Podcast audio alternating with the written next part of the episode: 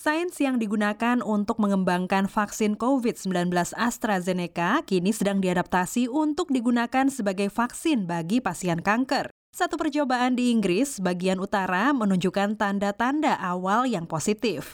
Tujuannya adalah menggunakan vaksin untuk merangsang sistem kekebalan tubuh guna mengurangi kemungkinan kembalinya kanker kepala atau leher. Berikut selengkapnya. Hampir setahun yang lalu, rahang bagian bawah Brian Wright diganti dengan tulang yang diambil dari kakinya.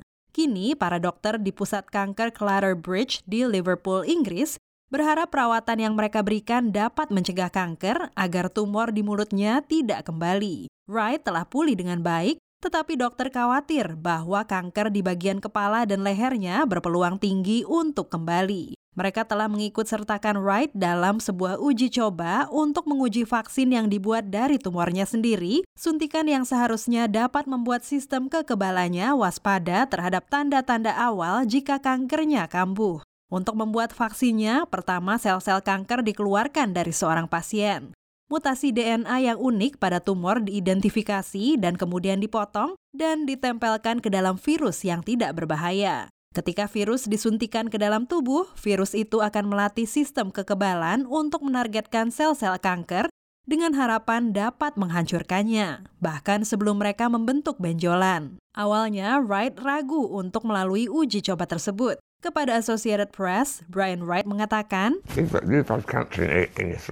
Kata Wright, jika Anda menderita kanker pada tenggorokan Anda dan mereka akan menyuntik Anda lagi dengan kanker itu, sepertinya sulit dibayangkan. Wright lalu berbicara dengan orang yang menjelaskan bahwa tindakan itu tidak akan membuat kanker itu kembali, namun akan menghentikannya. Christian Ottensmeyer, direktur klinis dari pusat kanker yang merawat Brian Wright, mengatakan dia optimistis bahwa perkembangan tersebut dapat mengarah pada peningkatan yang signifikan dalam perawatan yang tersedia bagi pasien. If we can train the immune system to pick those cancer cells that would otherwise. Christian Ottensmeyer menambahkan, jika mereka dapat melatih sistem kekebalan untuk memilih sel-sel kanker yang menyebabkan kambuhnya kanker, pada saat kita tidak dapat melihatnya, maka kemungkinan akan kelangsungan hidup jangka panjang untuk pasien akan jauh lebih tinggi. Hasil uji coba awal dari sekelompok kecil pasien cukup menjanjikan. Sejauh ini 8 pasien telah menerima vaksin dan mereka tetap sehat beberapa bulan setelah mendapatkan perawatan. Kelompok kedua yang terdiri dari 8 pasien tidak diberikan suntikan.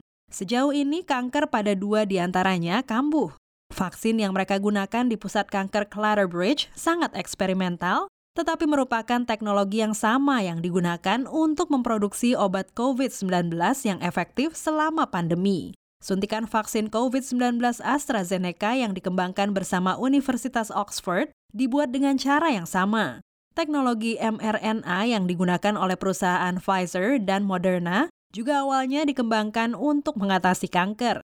Profesor Adrian Hill dari Institut Jenner di Universitas Oxford mengatakan, pandemi telah mempercepat pengembangan vaksin ini. We learned about their safety in billions of people, whereas previously it had been in thousands. That's very helpful safety data to have. Adrian Hill menambahkan mereka telah mempelajari keselamatan vaksin ini dari miliaran orang, sedangkan sebelumnya hanya pada ribuan orang. Ini merupakan data tentang keselamatan yang sangat membantu dan berarti kini akan ada lebih banyak investasi di berbagai bidang seperti kanker, di mana terapi yang lebih baik masih sangat dibutuhkan. Brian Wright mendapat dosis vaksinnya setiap tiga minggu. Ia merasa kondisinya baik-baik saja. Dari Washington DC, VOA.